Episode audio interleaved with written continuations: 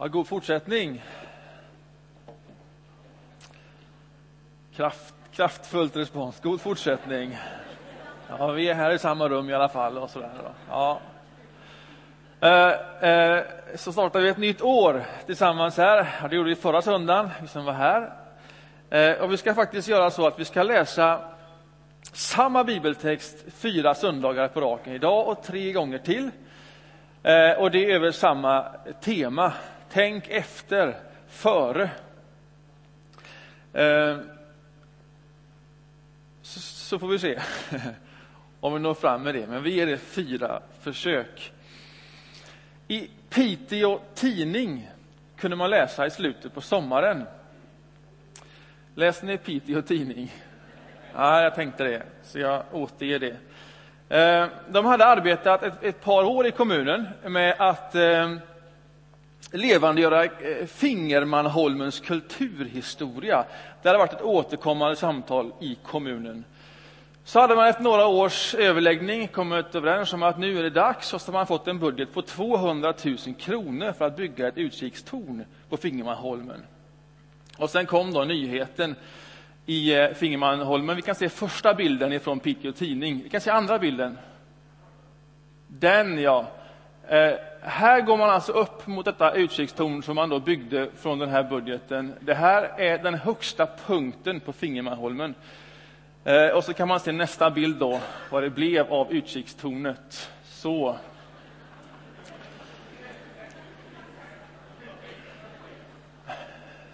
En, en viss besvikelse.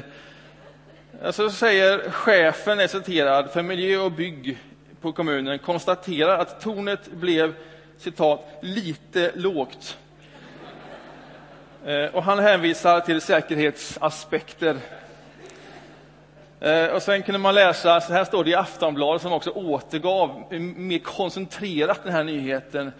Och så säger de, alltså vi hade en begränsad budget och hade inte råd att bygga högre, säger Florian Sterner på miljö och byggkontoret.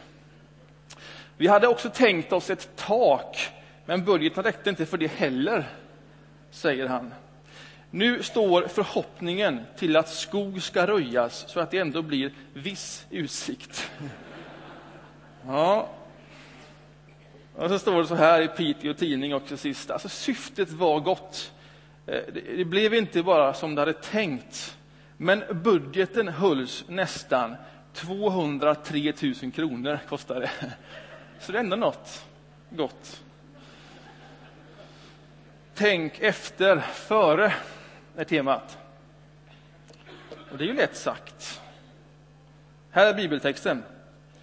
Från Lukas evangelium, kapitel 14. Och från vers 25.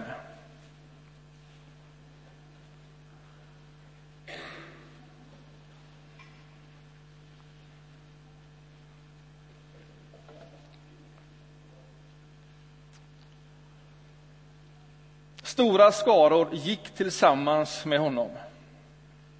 Och han vände sig om och sa till dem, om någon kommer till mig utan att hata sin far och sin mor och sin hustru och sina barn och sina syskon och därtill sitt eget liv, kan han inte vara min lärjunge. Den som inte bär sitt kors och följer efter mig kan inte vara min lärjunge. Om någon av er vill bygga ett torn, sätter han sig då inte ner och räknar ut vad det kostar för att se om han har råd med bygget? Annars kan det hända att de som ser eh, Just det. Annars kan det hända att de som ser att han har lagt grunden men inte kan bygga färdigt börjar göra narr av honom. Och de säger den där, han satte igång ett bygge men kunde inte få det färdigt.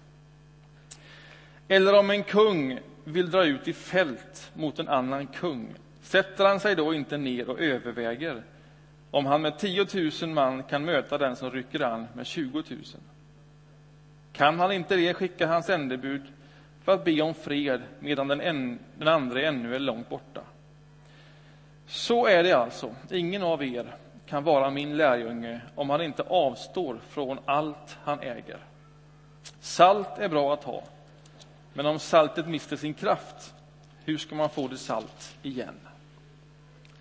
Det duger varken för jorden eller gödselstacken. Man slänger bort det. Hör, du som har öron att höra med. Amen. Den här texten ska vi läsa fyra gånger. Och så ska vi reflektera över detta.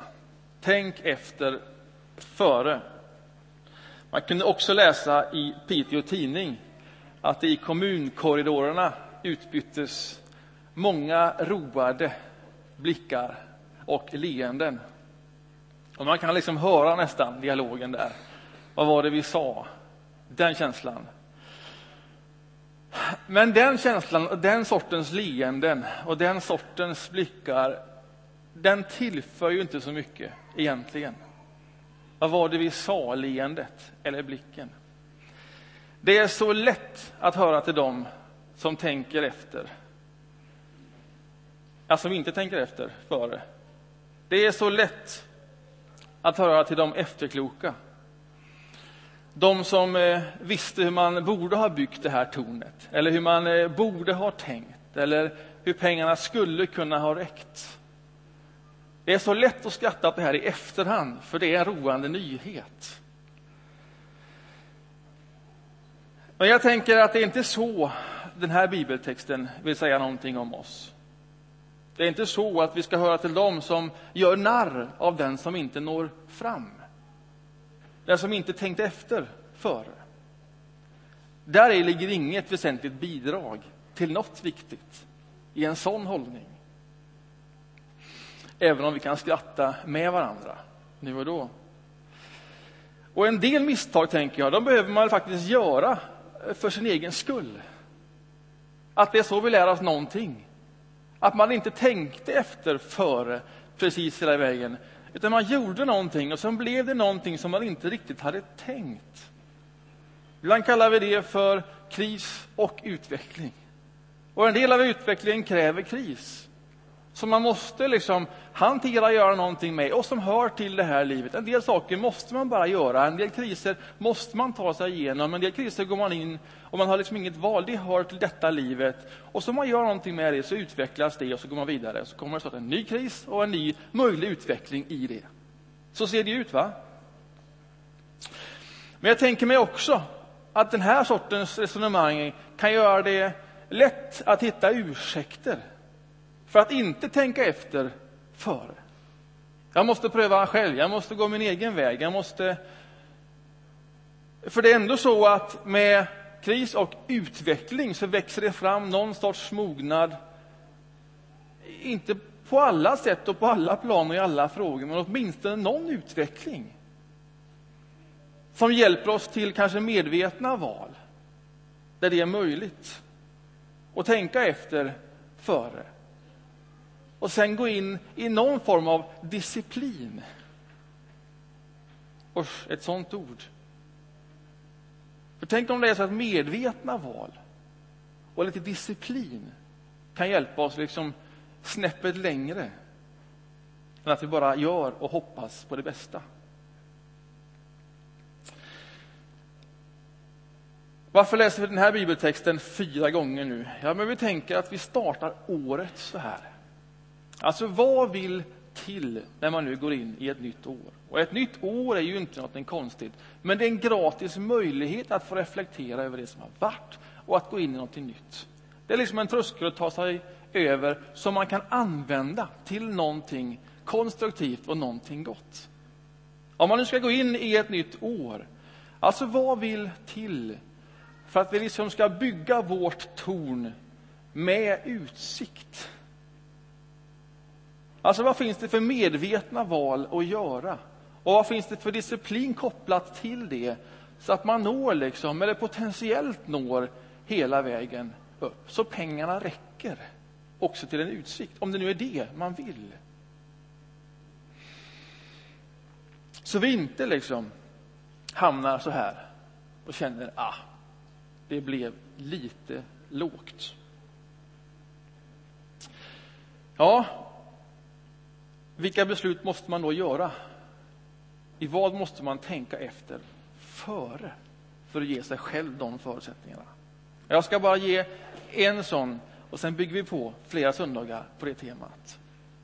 När man läser den här texten så börjar den med att stora skaror går tillsammans med Jesus. Det där är en riktig, eh, en viktig notering. Eh, för att det är i det sammanhanget som Jesus ställer en väldigt konstig och skarp och polariserad fråga. Det är stora skaror som går tillsammans med Jesus. Alltså, vem är man själv i en stor skara? Hur hör man Jesus i en stor skara?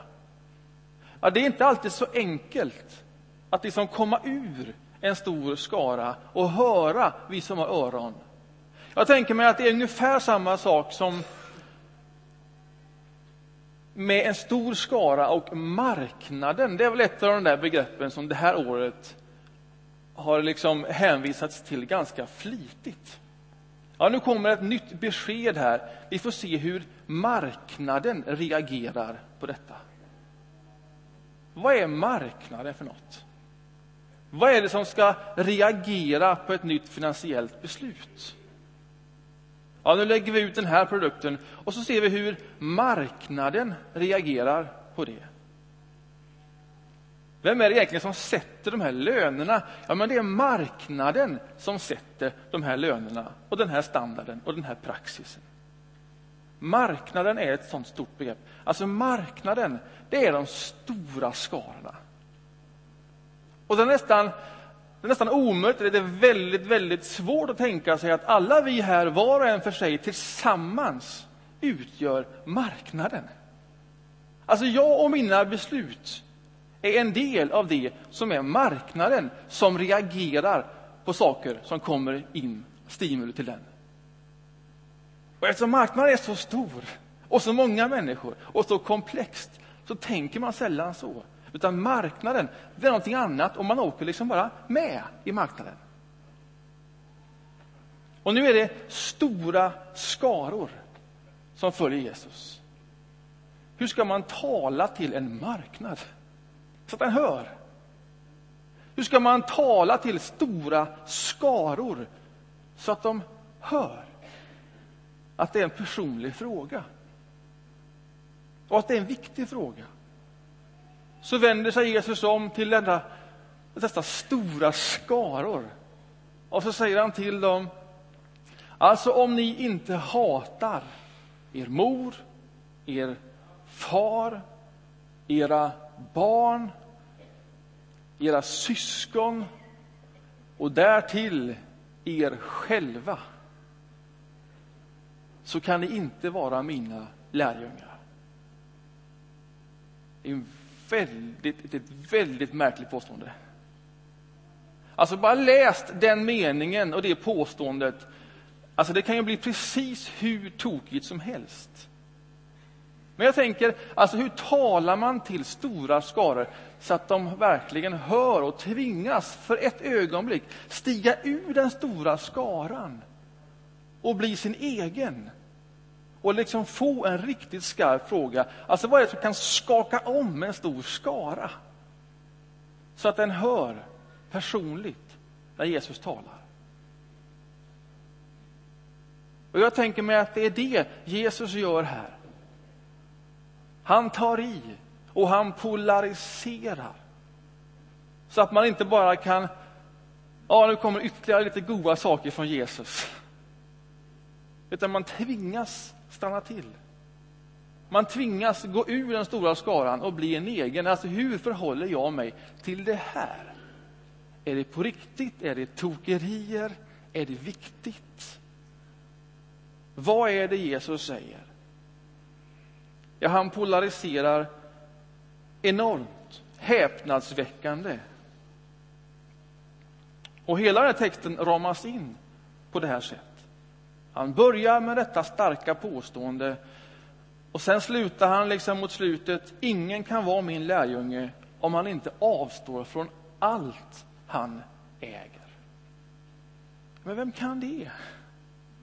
Alltså, vad är det han säger? Vad betyder detta? Alltså, jag tror att han säger det här. Om ni vill följa mig, ni som nu finns i denna stora skara, då måste ni ta allt det som ni har. Allt det som ni har omkring er. Allt det som är ert i livet. Allt det ni förhåller er till. Allt det behöver ni ge ifrån er till mig. Allt. Inget undantaget. Allt, allt, allt. Alltså, har ni förstått hur genomgripande det är att följa mig? Att det inte bara är att lägga på allting annat, utan allting ges till honom. Och sen när man väljer honom och när man följer honom, då får man allt med honom. Det är den stora skillnaden. Alltså om ni följer mig, då tar ni allt detta som är ert. Allt, allt, allt. Och sen ger ni det till Jesus. Och sen när vi följer honom, då får vi allt med honom tillbaks. Men med ny färg. Med nytt perspektiv. Därför att han är störst och han är först. Och han är den som färgar allting. Allt, allt. Hur är det möjligt? Och vad betyder det? Jag tänker mig, om man ger allting till honom. Det står det här hatet för. Allt. Och får tillbaks det igen. Ja, vad betyder det? Jo, det betyder det att allting det som jag har är en gåva från honom. Hela mitt liv, allt som det rymmer, det är en gåva. Och att så här i början på året få påminna sig om att allt det jag äger, allt det jag har, allt det jag förhåller mig till, det jag har fått med honom. För att njuta av. För att se på det just så. Min mor och min far och mina syskon och min hustru eller man, barn. Allt detta är en gåva. Ja, allt jag har. Om du bor någonstans. Det är en gåva. När du äter mat. Det är inte bara föda för att liksom hålla kroppen vid liv. Också det är en gåva. Och kanske är det därför man först ber för maten och man säger tack gode Gud för mat. Så att när man äter det också påminns om att allt är en gåva. Allt är en gåva att njuta av och vara tacksam för. Det är det ena. Och det andra är att allt som jag nu har fått som gåva har jag också fått att förvalta. Att förvalta i det perspektiv, i den färg som Jesus ger. Därför att han är större än allt detta. Och det är han som ger allt detta. Och det är han som färgar allt detta. Och hur jag förvaltar detta så att det bara inte blir mitt att njuta av att det inte blir stängt för omgivningen, utan öppet. Och till för fler dessutom. Det är hans perspektiv. Det är så han färgar detta. Det är så jag ger allt och får tillbaks allt med honom.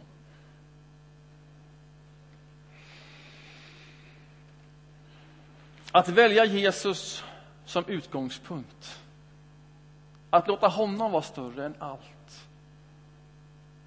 Om det är frågan som han ställer till stora skaror. Om han försöker ställa den så skarpt och tydligt och polariserat som det bara går att göra för att vi ska höra frågan. Vad betyder det då? Det är ju en jättefråga. Det är en liksom nästan för stor fråga. Den blir liksom lätt att säga ja till utan att veta vad det betyder. Ja, men det är klart, han är störst. Han är Gud. Jag säger ja. Och så går vi vidare. Det är en sån stor fråga. Det är lätt att bejaka det utan att det får reella konsekvenser.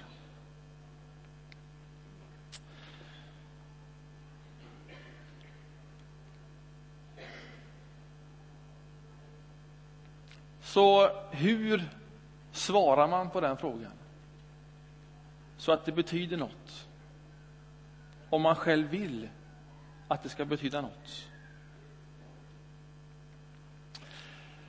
Jag tänker mig det ungefär som att man ger sig själv en stor målsättning.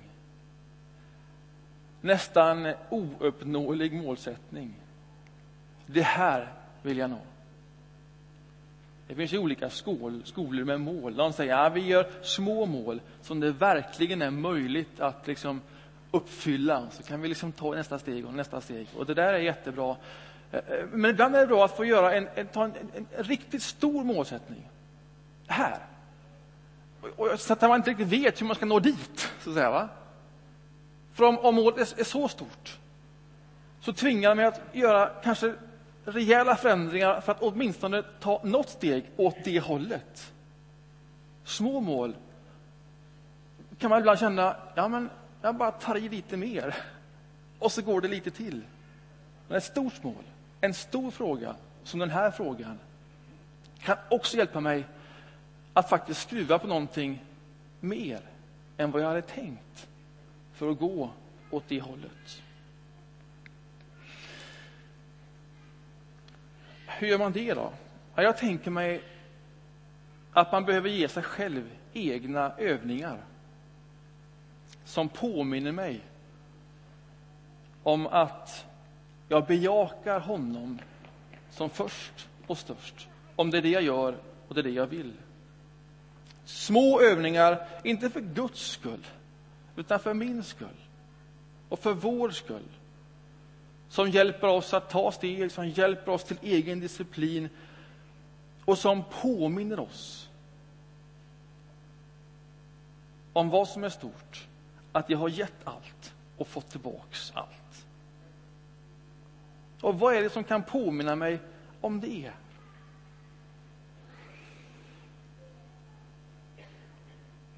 Ja, där finns ju ingen liksom lista. De här tio sakerna, gör så, så påminner det dig om ditt beslut. Utan det är en fråga som jag bara vill ge till dig den här första söndagen, de här fyra. Om du väljer Jesus först, om du låter honom få färga allt, hur ser det ut det här året? Och om du ska ge dig själv någon så säga, övning, någon handling, någonting som du gör som inte är någonting mer än en påminnelse just om detta. Vad är det? För om man inte har den där handlingen, den där övningen, den där andliga övningen så blir det lätt ett abstrakt ja, Jesus är störst utan att jag riktigt vet vad det betyder och utan att det faktiskt färgar allt som det var tänkt att det skulle göra. Så vad är det? Jag tror att välja Jesus, det är inte bara att lägga till honom, att välja honom, att låta det få färga allt, det är också att välja bort någonting. Och det är väl det svåraste vi gör. Ingen kan följa mig om man inte tar sitt eget kors. Det finns ett sorts offer i detta. Man bär sitt eget kors. Man ger ifrån sig någonting. Men man vinner en ny frihet i det. Så om du tänker på ditt år nu, vad är det? Vad är det du gör som en medvetet val, som en disciplin för att liksom bygga tornet hela vägen till en potentiell utsikt? Inte för Guds skull, utan för din skull. Någon börjar dagen med att eh, innan man ställer sig på fötterna så landar man på knäna vid sängen och bara säger tack för en ny dag. Och så bara ger man sig själv den gåvan, den starten, den påminnelsen för varje dag. Det kan vara så, det kan vara så enkelt. Att få in det i ryggmärgen. Det är en ny dag. Det är din dag. Jag får den tillbaks av dig. Färga nu allt. För någon är det att eh, det var ett tag sedan jag läste Bibeln som en ren disciplinär åtgärd för att liksom säga till mig själv att ja, men jag ger allt, jag vill ha tillbaks allt i ett nytt ljus. Ja, men så öppnar jag den där, om inte varje dag så en gång i veckan.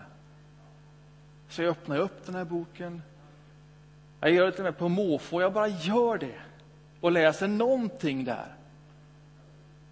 Om det är din utmaning, ta en sån utmaning. Vi kommer lansera här bara för om någon månad eller två något vi kallar för bärarlaget. Som ger oss en ekonomisk grund att stå på som församling för att få liksom en bra, stabil grund. Och om vi har det så kan vi sen gå in i nya satsningar, mer offensivt. Och då säger vi att om man som familj kan ge 1500 kronor per månad och vi blir 300 sådana familjer eller enheter som gör det. Det är en stor summa pengar. Men om man gör det i ett outgire så här så har vi gott och väl en fantastiskt stabil grund att stå på. Och därefter kan vi sedan göra nya utmaningar. Det är positivt. För mig blir det också en andlig övning. Det vill säga, jag tar mina pengar. Det är en del av mitt offer. Jag har gett ifrån mig det, jag får tillbaks det i ett nytt ljus. Och så ger jag ifrån mig regelbundet varje månad. Inte för att Gud behöver det, utan som en egen andlig övning. Som en disciplin som påminner mig. Nu är allt hans. Och mitt med honom, men i ett nytt ljus. Eller jag behöver få be tillsammans med andra människor regelbundet. Jag har inte gjort det på ett tag. Och så får jag hjälp att hitta den där husgruppen. Eller jag söker upp två, tre stycken och frågar, kan inte vi mötas på tider som passar oss? Och så möts vi regelbundet. Och det enda vi gör, det är att vi ber. Och att jag ser till att någon ber för mig personligt regelbundet. Den påminnelsen behöver jag. Jag behöver ge den till mig själv som en gåva. För att påminna mig. Eller jag behöver gå in i en volontär uppgift. Jag behöver göra någonting jag behöver ta min egen tid som inte bara bygger min egen karriär och min egen ekonomi och allt det. Jag behöver liksom ta det utrymmet som nästan inte finns. Jag gör det som en disciplinär åtgärd. Det är det sättet som Jesus formar och färgar mitt liv. Och så går jag in i det som en egen påminnelse om jag har gett allt, jag har fått allt och vi ger det vidare igen.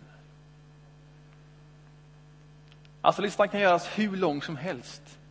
Och det spelar nästan ingen roll vad den innehåller för sorts punkter. Jag har bara droppat några exempel för att dra igång fantasin åt några olika håll. Men jag skulle önska att du själv gjorde övningen. Alltså om du bejakar Jesus, om du följer honom, om han är först, om han är störst, om du ger allt med honom, har fått det tillbaks i ett nytt ljus. Om han ska färga allt ditt, hur ser det då ut det här året? Och vad behöver du ge dig själv för sorts medvetet val, disciplinär handling för steg som hjälper dig att bara komma ihåg det, påminna dig om det. Så att du inte tappar det, åtminstone det här året. Utan vi bygger liksom hela vägen upp till en potentiell utsikt. Amen. Tänk efter före. Vi förenar oss i en bön.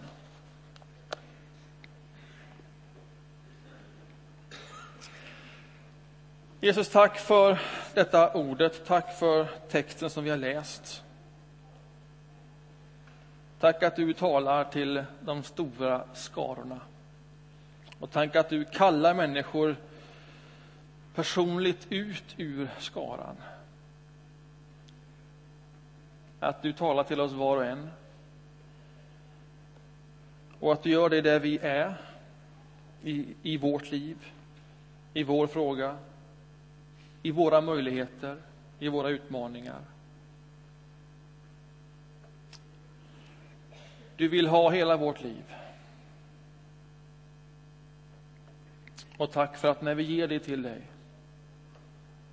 och vi ger oss själva till dig så vinner vi allt i dig och med dig. Öppna våra sinnen för den hemligheten så att vi såg den rikedomen. Så att vi inte höll på vårt mer än vad vi behöver utan vann din färg och din kraft och din kärlek i våra liv. Amen.